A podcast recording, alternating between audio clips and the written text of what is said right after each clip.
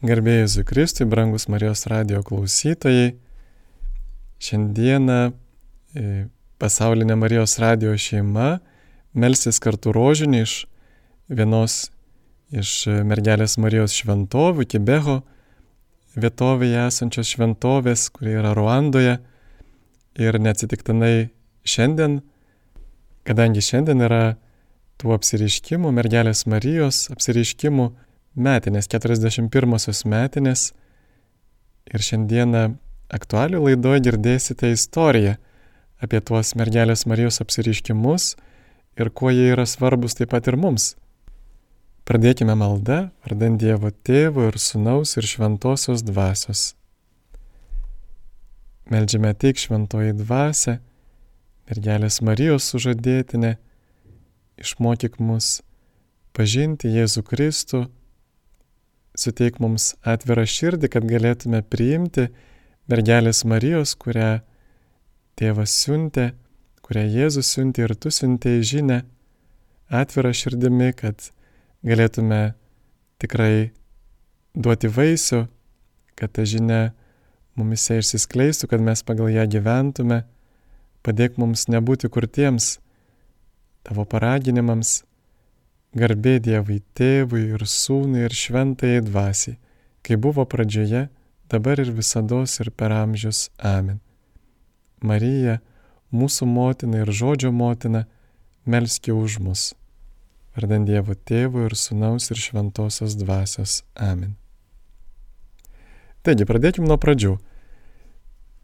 Kada mes kalbame apie mergelės Marijos apsiriškimus, tai toksai žymus Katalikų teologas Karlas Raineris sakė, kad mes turėtume juos priskirti pranašystės charizmai. Ir štai ką kalba apie pranašystę Paštalas Paulius, pirmame laiške tesalonikiečiams penktame skyriuje, jis rašo visuomet džiaukitės, be palievos melskitės, už viską dėkokite, nes to Dievas nori iš jūsų Kristuje Jėzuje, negesinkite dvasios, neniekinkite pranašavimu, viską ištirkite ir kas gera palaikykite. Jau pirmaisiais amžiais bažnyčia susidūrė su ta, tuo iššūkiu, kaip atskirti tikras pranašystes ir didachiai tokiam senovės dokumentai irgi rašoma, kaip atpažinti tikrą pranašą, na pavyzdžiui, jeigu jisai pasilieka ilgiau negu tris dienas, toje pačioje vietoje, sako, ir, ir valgo tavo maistą, tai čia jau tikriausiai bus netikras pranašas, bet aišku, ar tos pranašystės išsipildo visų pirma. Ir Dievas siunčia mergelę Mariją kaip pranašę, kuri e, visų pirma sako, dažnai mus persvėja, bet sako, kad tos pranašystės išsipildys su sąlyga, jeigu mes nepaklausysime Dievo, tai išsipildys tie blogi dalykai, kurie turi įvykti. E, nes Dievas mato, kad esam pasirinkę ne tą kelią. Ir mergelė Marija kreipia visų pirma, va kaip ir Naujojo testamento pranašai, visų pirma skelbia Jėzų Kristų. Štai yra parnašystės dvasia, kuri veda pas Jėzų. Bet tuo pat metu Marija perspėja dėl artėjančių nelaimių.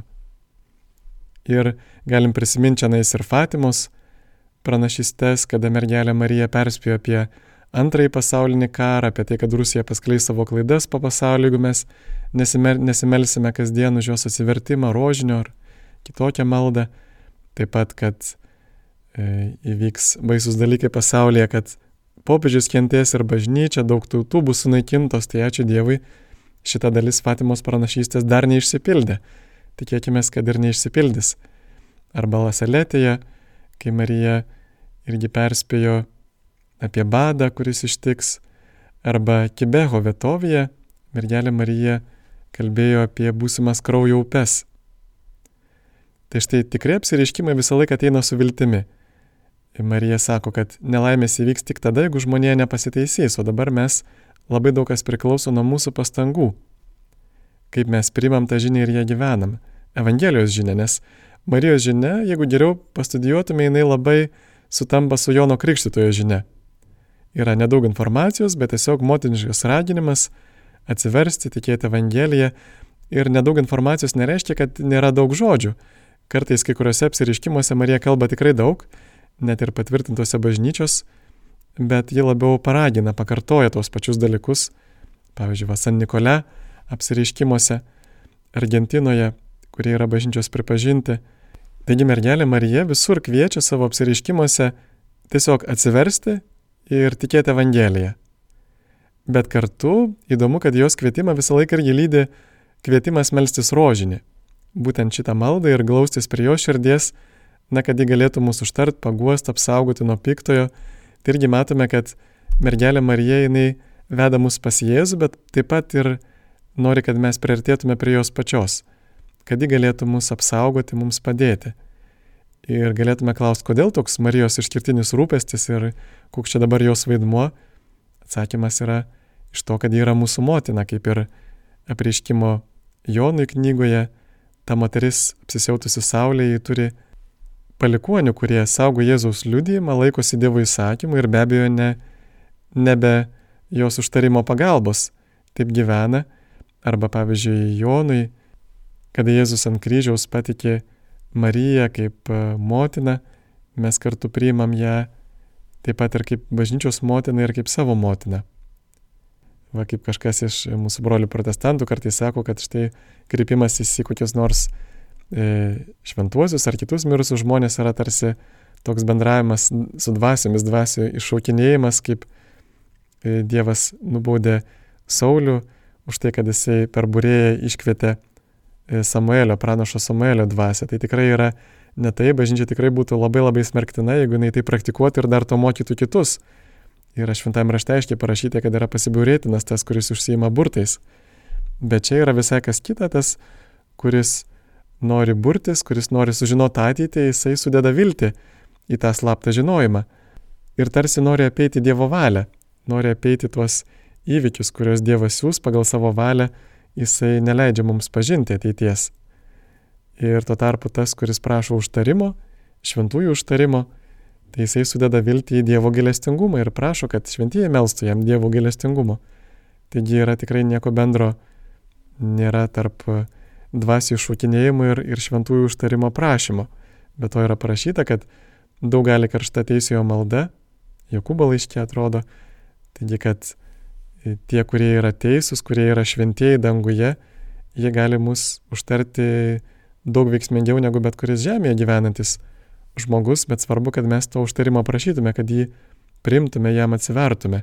Ir Biblija labai aiškiai atskleidžia, kad Dievui patinka užtarimas, kad jis pažadina užtarėjus ir apie tai liūdė visa Biblijos istorija nuo pirmos iki pat paskutinės knygos. Taigi dabar po tokios ilgos įžangos perkime prie Ruandos. Tai yra Centrinės Afrikos šalis, dar vadinama taip gražiai tūkstančio kalvų šalis, labai kalvota, ties pusiauju, joje gyvena 12 milijonų žmonių ir 44 procentai katalikų, ten irgi panašiai yra šiek tiek mažiau protestantų. Taigi, kas iš karto turėtų mums kristi akis, kad šitoj šalyje dauguma yra krikščionis. Deja, tai neapsaugojo šalies nuo gausybės nelaimė, nes turbūt ir mes, jeigu taip sažiningai pažvelgtume į save, labai dažnai būname krikščionys tik tai tik iš pavadinimo. Ir negyvename tuo pakankamai. Labai dažnai, jeigu mes žvelgime į bažnyčios istoriją, valstybių istoriją, įvairūs totalitariniai režimai ateina į valdžią ten, kur nėra vieningos krikščionių bažnyčios, kur krikščionys yra susiskaldę ir jie paprasčiausiai neturi jėgų pasipriešinti, įma pataikauti valdžiai, valdžiai jis pasinaudoja, kad ateitų į valdžią, kad e, juos išrinktų ir paskui pradeda žiaurius dalykus. Bet grįžkime prie mergelės Marijos apsireiškimų Ruandoje, taigi e, turbūt išsameusias šaltinis informacijos būtų gal tokie keletas šaltinių. Vienas yra vyskupo dokumentas, kuriuo vietos vyskupas paskelbė apie šitų įvykių autentiškumą, antgamtiškumą bažnyčios pripažinta 2001 metų birželio pabaigoje Taip pat ir Vatikanas irgi išleido dokumentą po kelių dienų patvirtindamas tai. Ir ten viskupas labai tokiais e, konkrečiais argumentais liudija, kodėl tie įvykiai bažnyčios požiūriai yra patikimi, kas ten įvyko, bet kita vertus viskupas tame dokumente gana glaustai e, atpasakoja visus, visą situaciją, visus faktus ir argumentus. Ir yra tokia e, kita moteris, Imakulė Ilibagiza. ji kartu dalyvavo tose įvykiuose, kartu gyveno, augo su tais regėtojais ir paskui parašė keletą knygų apie Kibego apsiriškimus, tai tenais jinai pateikė daug detalių apie visą tai, kas įvyko, o viskupas labiau tokius konkrečius faktus, bet irgi jų nemažai pateikė. Taigi, kas, kas ten įvyko? Bažnyčia galiausiai pripažino tris regėtojas - Alfonsina, Natalie ir Malikler.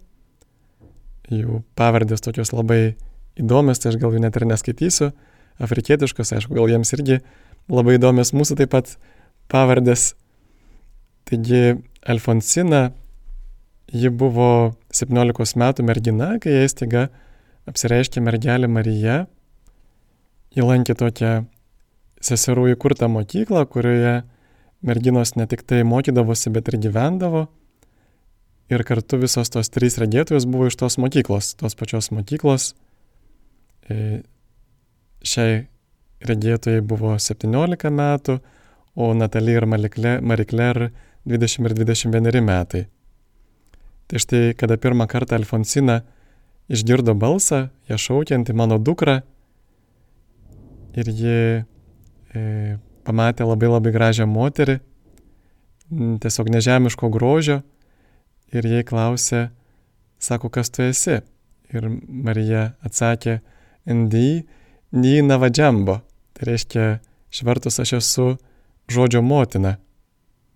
Sako, aš atėjau tavęs nuraminti, nes išgirdau tavo maldas, norėčiau, kad ir tavo draugės turėtų tikėjimą, nes jos netiki pakankamai stipriai. Ir štai prasidėjo mergelės Marijos apsireiškimai ir tų apsireiškimų metu vykdavo įvairūs tokie neįprasti reiškiniai. Na pavyzdžiui, negalėdavo jos pajudinti niekas, netgi keliese vyrai, o toj ekstazija apsireiškimo metu jinai tapdavo tokia sunki, kad niekas negalėdavo jos pajudinti arba kitokie reiškiniai panašus.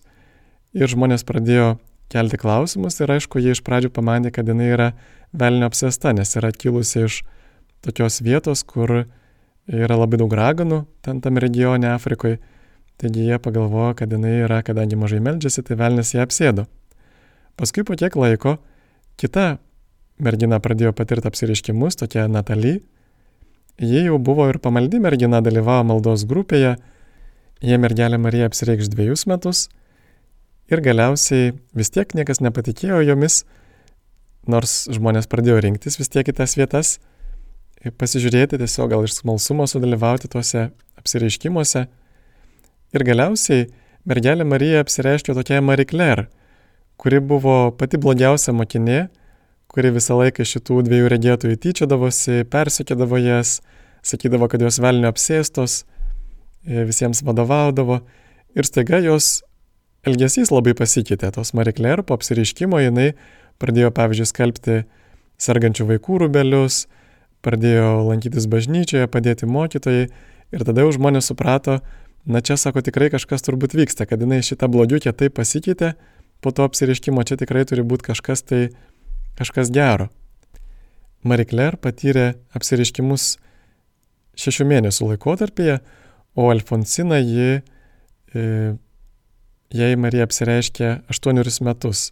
Lygiai po 8 metų, 89 metų lapkričio 28 jos vizijos baigėsi. Marie Claire beje pati tapo vėliau auka, to genocido ji buvo su vyru nužudyta. E, Alfonsina jį vėliau tapo vienuolė, dabar yra vienuolė Romoje. Tuo tarpu Natalija jį padeda piligrimams pasakoja apie apsiriškimus, jiems juos priima Kibego šventovėje. Ir kai jų klausė, kokia yra mergelė Marija, tai visų pirma, jos sakė, kad ji yra be galo graži. Sako, jos oda be galo lygi ir švitėjo tarsi iš vidaus, jos veidas atrodo nei baltas, nei juodas, bet akis kaip rondėtis. Ir ji kalbėjo tobulą rondiečių vietos kalbą, Ir vis, kai paklausdavo, na kaip jinai atrodė, na sako, jinai tiesiog buvo tobula, sako, nosis nei per didelė, nei per maža, lūpos nei per storos, nei per plonos. Ir kai paklausė regėtojo, kas jums labiausiai patiko joje, mergelėje Marijoje, sako, būtent šviesa jos akise. Liktų būtum vienintelis asmo, kuris jie egzistuoja ir kaip jis su užsidegimu žvelgia į tave kaip motina besidžiaugianti tavo vaiku. Ir kai jau paklausė, na, o štai kokia buvo ta jos meilė, na, sako, panašiai kaip mama, kuri būtų nemačiusi savo dviejų metų vaiko dvi savaitės ir tada jinai staiga grįžta ir e, sutinka savo vaikelį ir taip džiaugiasi, kad jį gali matyti. Ir sako, jos kalba buvo tarsi melodija, kiekvienas žodis tarsi būtų maldo žodis. Jos gestai, ypatingai persižygnojimas, buvo labai toksai lėtas ir įsimastantis. Marija neveikia mūsų, bet jinai labai lietai su pagarba persižegnodavo, mąstydama apie tuos tris asmenis, apie, apie Jėzaus kryžių, ką jis dėl mūsų padarė. Ir jie, aišku, prisistatė, kad jinai yra ir vargšų motina, ir išganytojo motina, bet tai būtent atėjo tuo vardu, kad jinai yra žodžio motina.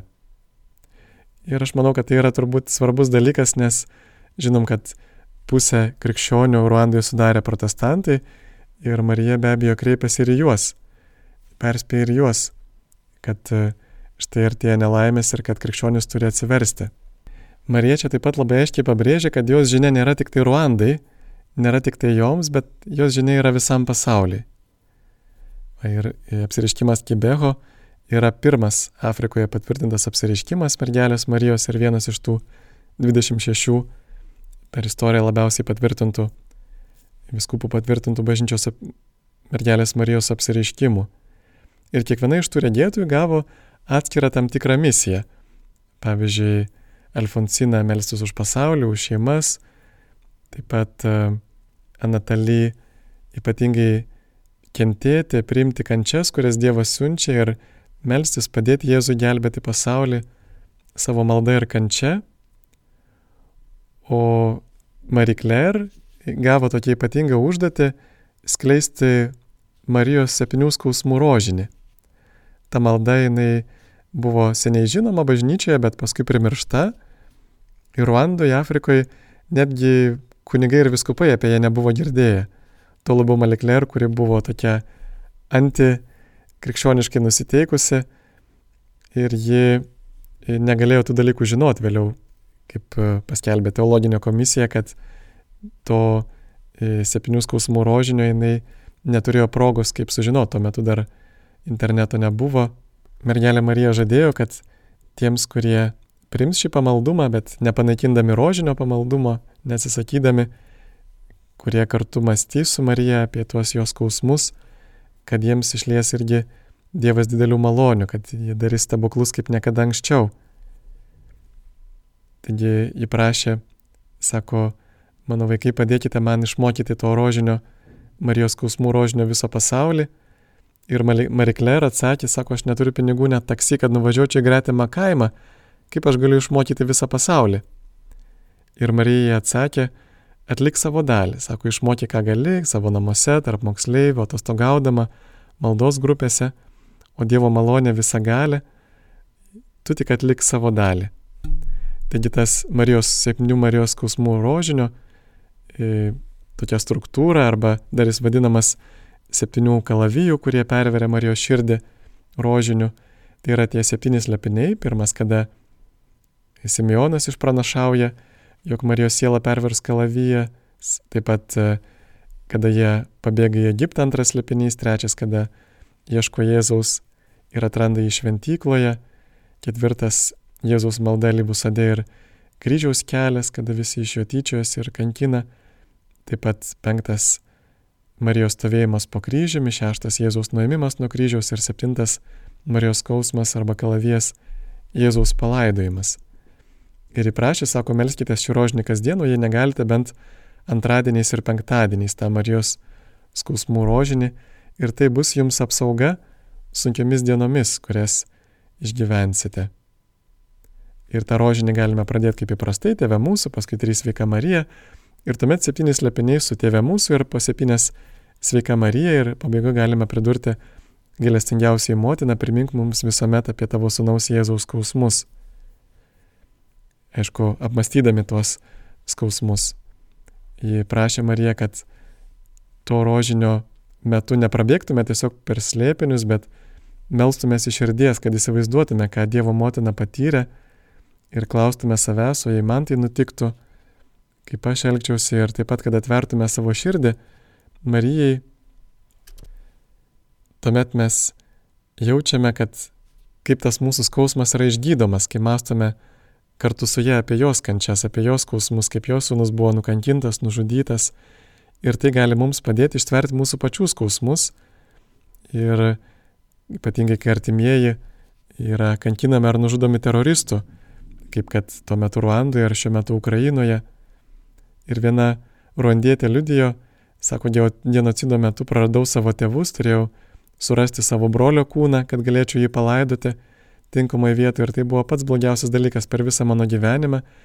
Ir sako, va melsdamas į tą rožinį, Marijos skausmų rožinį aš gyjau, nes prieš tai man buvo labai sunku pasakyti, atleisk mūsų kaltės, kaip ir mes atleidžiame savo kaltininkams. Arba sako, kai man atveda vaikus, kurie pjaustosi peiliais ir jų klausia, kodėl taip darėte, na sako, nežinau, sako, kai man skauda viduje, sako, nieko nerūpi, bet kai susipjaustau rankas, tada žmonės mane užjaučia, ima rūpintis. Bet štai va, kai mes melžiamės septynių skausmų rožinį, mes žinom, kad Dievo motina yra su mumis, kad ji mus tikrai užjaučia, kad suteikia mums progą priimti net ir labai sunkius gyvenimo išbandymus, kuriuos patiriame. Galim tada ir kartu su Marija Jėzui sakyti, kad Jėzu, jeigu tu iš meilės savo laisvą valią pasirinkai visas tas kančias perėti, tai duok man jėgų priimti tai, kas, kas vyksta mano gyvenime. Taigi per visus tuos apsireiškimus Kibeche mergelė Marija perdavė tą gana paprastą žinę, kad mes skaitytume Bibliją, gerbtume Dievo įsakymus, kad sugrįžtume pas Dievą. Sakė, jeigu jūsų tikėjimas būna stiprus, kunigams, vienuoliams ir visiems tikintiesiems jis sakė, ne tik katalikams, sako, pamokslaukite apie Dievo meilę ir atleidimą, apie meilę Dievui ir artimui. Jei taip darysite, tai, kas artėja, neįvyks. Čia matom labai aišku pažadą, kad tai yra ir kunigų atsakomybė, jeigu mes tikrai pamokslaujame apie gailestingumą ir artimą ir Dievo meilę, kad tai atitolina nuo mūsų tas visas nelaimės, kurias ir sukelia žmonių nepasitikėjimas Dievo gailestingumu, nenoras sugrįžti prie jo, baimė sugrįžti pas Dievą ir kartu ta visa tarpusavio nesantika, negebėjimas atleisti, nemailė vieni kitiems. Ir Marija sako visam pasauliui, kad pasaulis skuba į susinaikinimą. Sako taip pat melskitės rožinį, kad tai, kas artėja, neįvyktų. Kurkite maldos grupės ir melskitės kartu už taiką šalyje, tuomet tai, kas artėja, neįvyks. Tačiau mes matome iš istorijos, kad žmonės nepakankamai paklausė ir kad genocidas įvyko. Panašiai kaip ir Fatimo žinios nepakankamai žmonės paklausė ir antras pasaulinis karas visgi įvyko, jame žuvo apie 80 milijonų, atrodo, žmonių ir kartu per tą antrą pasaulinį karą Portugalija išvengė aukų. Ir tai turbūt irgi yra na, tam tikras maldos vaisius, kad štai toje šalyje, kur įvyko Fatimas apsiriškimai, žmonės atsiliepė į tai ir portugalų kareiviai ne, nenukentėjo antro pasaulinio karo metu. Taip pat įdomus reiškinys, kuris įvyko Tibeke, tai kad mergelė Marija e, paėmė regėtojas, dvi regėtojas į dangų kad jos paliudytų, jog pragaras iš tiesų egzistuoja. Į dangų ir į skaistyklą ir į pragarą. Dievo motina kartą sakė Alfonsinai, sako, aš tave paimsiu į kelionę. Sako, pasakyk jiems tavęs nelaidoti, tu būsi mirusi, bet sakyk, kad tavęs nelaidotų. Jie atsigulė į lovą ir 18 valandų ji buvo tarsi be gyvybės ženklų. Negalėjo niekas jos pajudinti. Va čia irgi vienas iš tų mistinių reiškinių, kad tų ekstazių metu netgi keli vyrai, va pavyzdžiui, trys vyrai bandė ją pajudinti ir jiems nepavyko. Ji tarsi įkvėpdavo vis orų ir vėl atrodė paskui tarsi mirusi. Ir paskui liūdėjo, sako, vieta, kurią aš mačiau pragare, sako, ji buvo tokia bjauri ir tokia skausminga, sako, žmonės ten neturi ramybės, jie tarsi valgo vienas kitą, mušasi, pyksta, stumdasi, kraujuoja. Tai sako, buvo blogiau negu karas ir dar kartu tai buvo taip karšta ir kartu ji matė žmonės degančius, bet ten nebuvo jokios šviesos. Ir jis sako, mama, kodėl mane čia atvedė, juk tu mane myli, mamas nori apsaugoti savo vaikus nuo tokių vaizdų. Ir Marija atsakė, tu turėjai tai pamatyti, kad galėtum žmonės perspėti, kad pragaras tikrai egzistuoja ir jeigu jūs nenorite tam patekti, turite laikytis Dievo įsakymų ir atgailauti, kai nupuolate. Nes Dievas yra gailestingas. Turim pripažinti savo nuodėmės ir jei nenorite čia patekti, tai turite sekti Dievo keliais, skaityti Dievo žodį ir jį gerbti. Ir Alfonsina jinai tiesiog nesurado žodžių, kaip ten yra blogai ir kokia bjauri yra ta bausmės vieta, kur žmonės yra be jokios vilties išsigelbėti. Paskui ją mergelė Marija nuvedė į kitą vietą, kur jis sako, čia yra geresnė vieta, čia jau šviesa yra, jos šiek tiek jo nebuvo ryški, bet galėjai matyti žmonės, kurie taip pat labai kentėjo, buvo tarsi tokio ilgo eiliai, liktai kažko tai laukdami, laukdami pagalbos, judantis kaleno jiems skaudėjo, bet jie turėjo viltį. Ir jį paklausė, kas tai, Marija sako, tai nuskaistimo vieta, žmonės, kurie buvo išrinkti, yra čia, bet kurie dar e, nėra pasiruošę įžengti į dangų. Čia niekas nesipyko, nesimušo, nereikia, jie buvo kantrus ir dangus buvo, na, tokia vieta, kurioje, sako, Žemėje nėra tokios šviesos, kuri būtų panašiai į dangų šviesą. Ta šviesa buvo tarsi Dievo meilės šviesa, kurioje labai gera būti. Ir ten įdomu, kad Alfonsinai nematė jokių žmonių, tik tai girdėjo gesmes, girdėjo muziką, bet nematė žmonių ir mergelė Marijai pasakė, kad kol tu gyveni žemėje, tu negalėsi matyti čia esančių žmonių. Na ir bažnyčia tuomet įsteigė komisijas, vyskupas jau 82 metais jau paskiria medicininę komisiją, paskui ir teologinę komisiją, kad uh, tirtų įvairias šitas ataskaitas, taigi praktiškai komisija dirbo 20 metų. Matėme, tai tikrai buvo rimtas tyrimas ir komisijų nariai buvo taip pat rimti. Buvo medicinė komisija, e, sudarė Ruandos universiteto medicinos fakulteto specialistai, gydytojai, profesoriai iš psichiatrijos, anesteziologijos, kitų sričių. Jie tyrė, ar, ar tie regėtojai, pavyzdžiui, E, nėra kokie nors psichiniai ligoniai, ar jie neturi kokios nors ten epilepsijos, ar nėra apgavikai ir taip toliau, ar neturi kažkokių kitų psichinių nukreipimų. Ir komisijos darbą labai apsunkino tai, kad jau 83 metais, reiškia jau po poros metų po apsiriškimų, atsirado 33 regėtojai iš viso. Jie pradėjo skelbti visokias nelaimės, važinėti patys savo iniciatyvai aplinkinius kaimus, ir pasidarė labai sunku tirti tuos įvykius. Čia va galim prisiminti tą istoriją, ne apie tas raugės, kad panašiai ir Lurde, ar ne 40 regėtojų atsirado aplinkui Bernadetą. Taigi visgi tos komisijos toliau tęsė darbą ir paskui tą priėmė sprendimą, nors buvo šiek tiek daugiau tų regėtojų ir pačioje pradžioje, bet paliko tik tai autentiškais, tik tai tų trijų regėtojų pripažino parodymus ir liudijimus, į kuriuos regėjo nuo pat pradžių mergelė Marija. Tai, taigi medicininė komisija toliau tyrė tai, kaip jos reaguoja ekstazės metu, štai apsiriškimo metu, kaip jos, pavyzdžiui, reaguoja į skausmą, jas buvo badama adatėlėmis, netgi žvakės liepsna truputėlį padeginama ir, ir jos niekiek nereaguodavo. Pavyzdžiui, bandydavo paliesti jos akis, Elfoncinos ar kitos regėtojos ir jos visiškai ne, net kartais net nesumirksėdavo, net vienu metu valandą žvelgia atviromis akimis į saulę, nesumirksėdamos ir juk normaliai tada saulė išdegintų tinklainę, bet joms nieko neatsitiko tuo metu.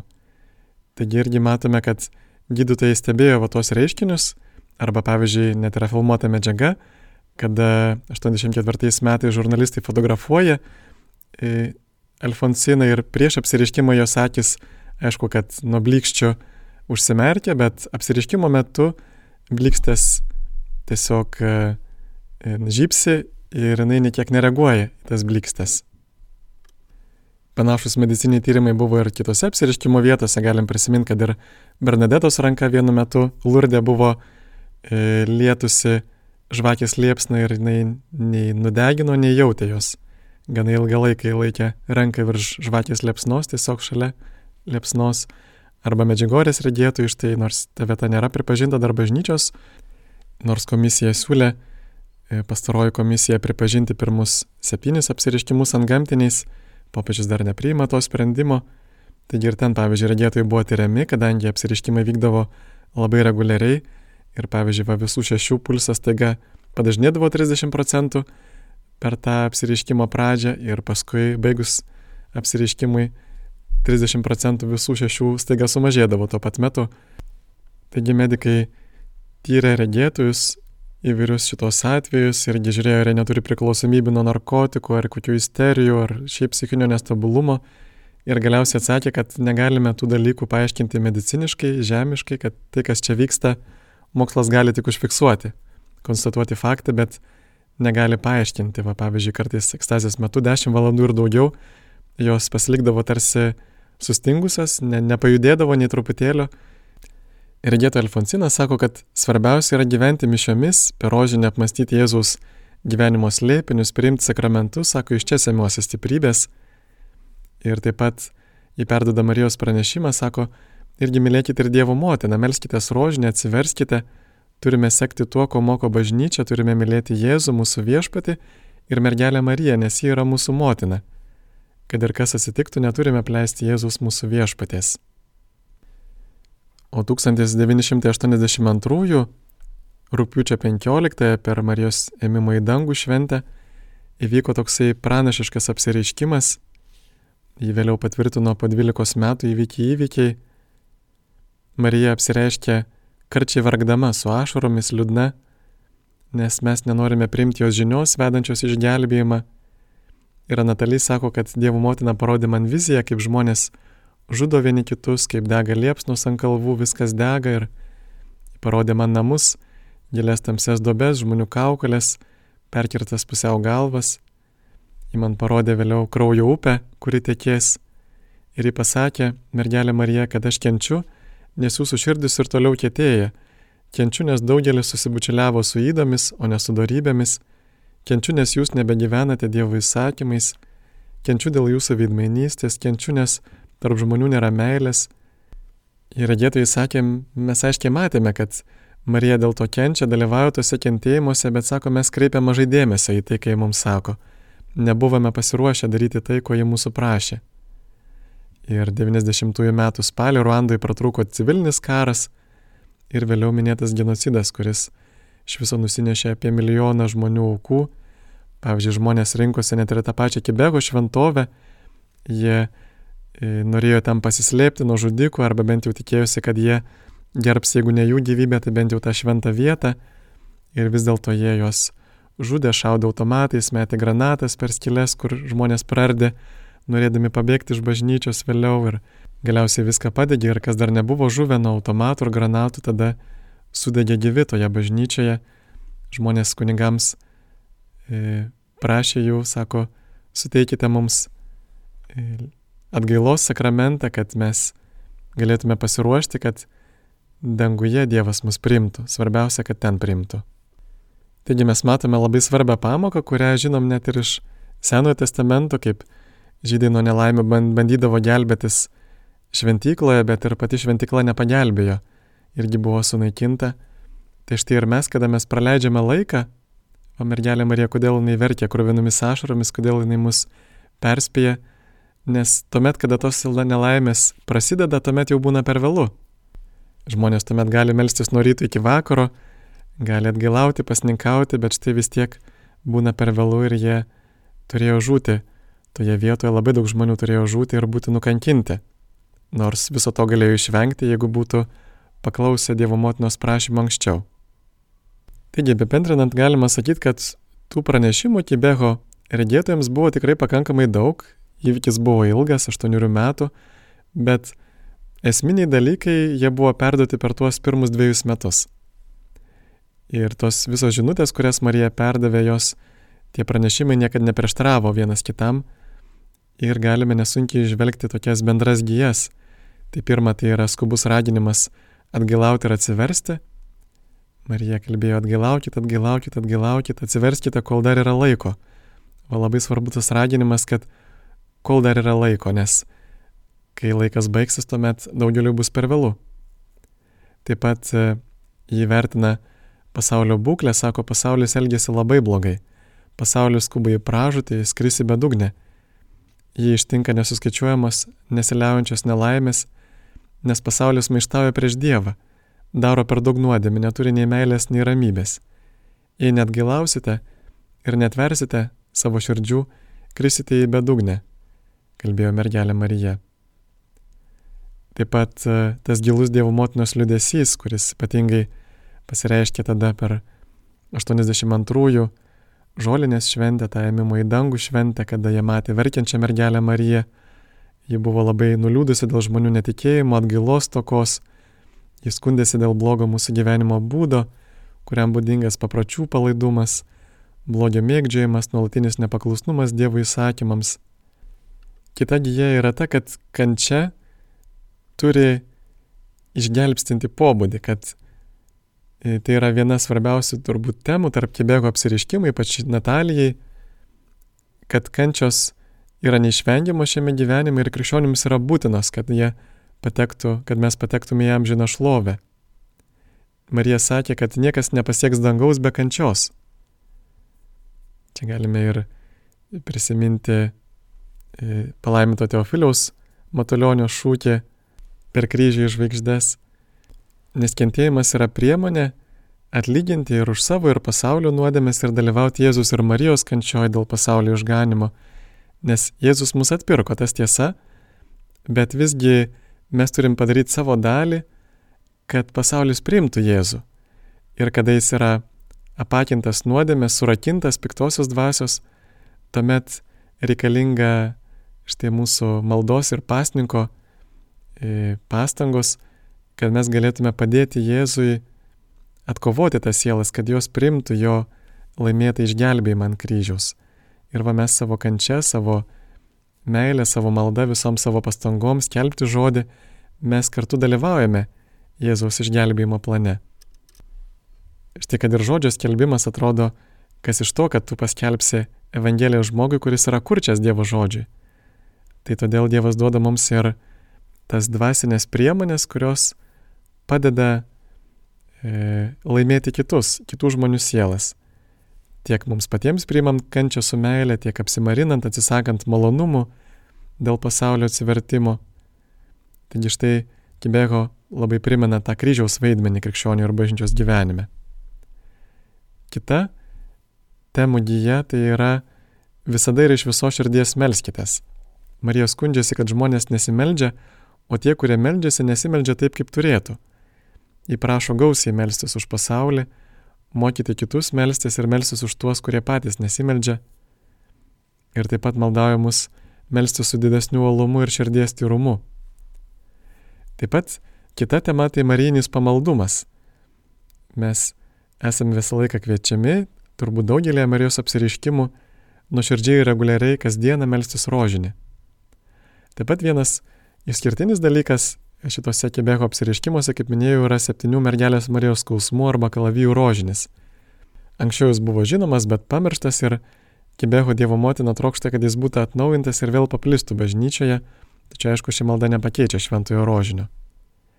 Taip pat daugelį kartų mergelė Marija prašė, kad toje vietoje būtų pastatyta koplyčia, kur galėtų būti garbinamas jos sunus, Ir be abejo taip pat yra maldavimas melstis už bažnyčią, kai ateis sunkus laikai, jau išgrūna daugybę rūpešių ir išbandymų. Tai štai galėjome prisiliesti prie tos mergelės Marijos žinios Ruandoje, Kibeho vietovėje, kur įvyko toksai skausmingas dalykas kaip genocidas, kuriame žuvo milijonų žmonių. Ir galime mes, jeigu turime išminties, pasimokyti iš tų pamokų pasimokyti iš kitų žmonių klaidų, kad tas kvietimas, kurį Dievas siunčia per mergelę Mariją, yra tikrai rimtas. Kad Dievas lanko mus ne dėl menkniekių, bet dėl labai rimtų dalykų ir kviečia mus atsiversti, gyventi Evangeliją, o kartu glaustis prie mergelės Marijos, kad jos užtarimas mus apsaugotų nuo piktojo, nuo būsimų nelaimių.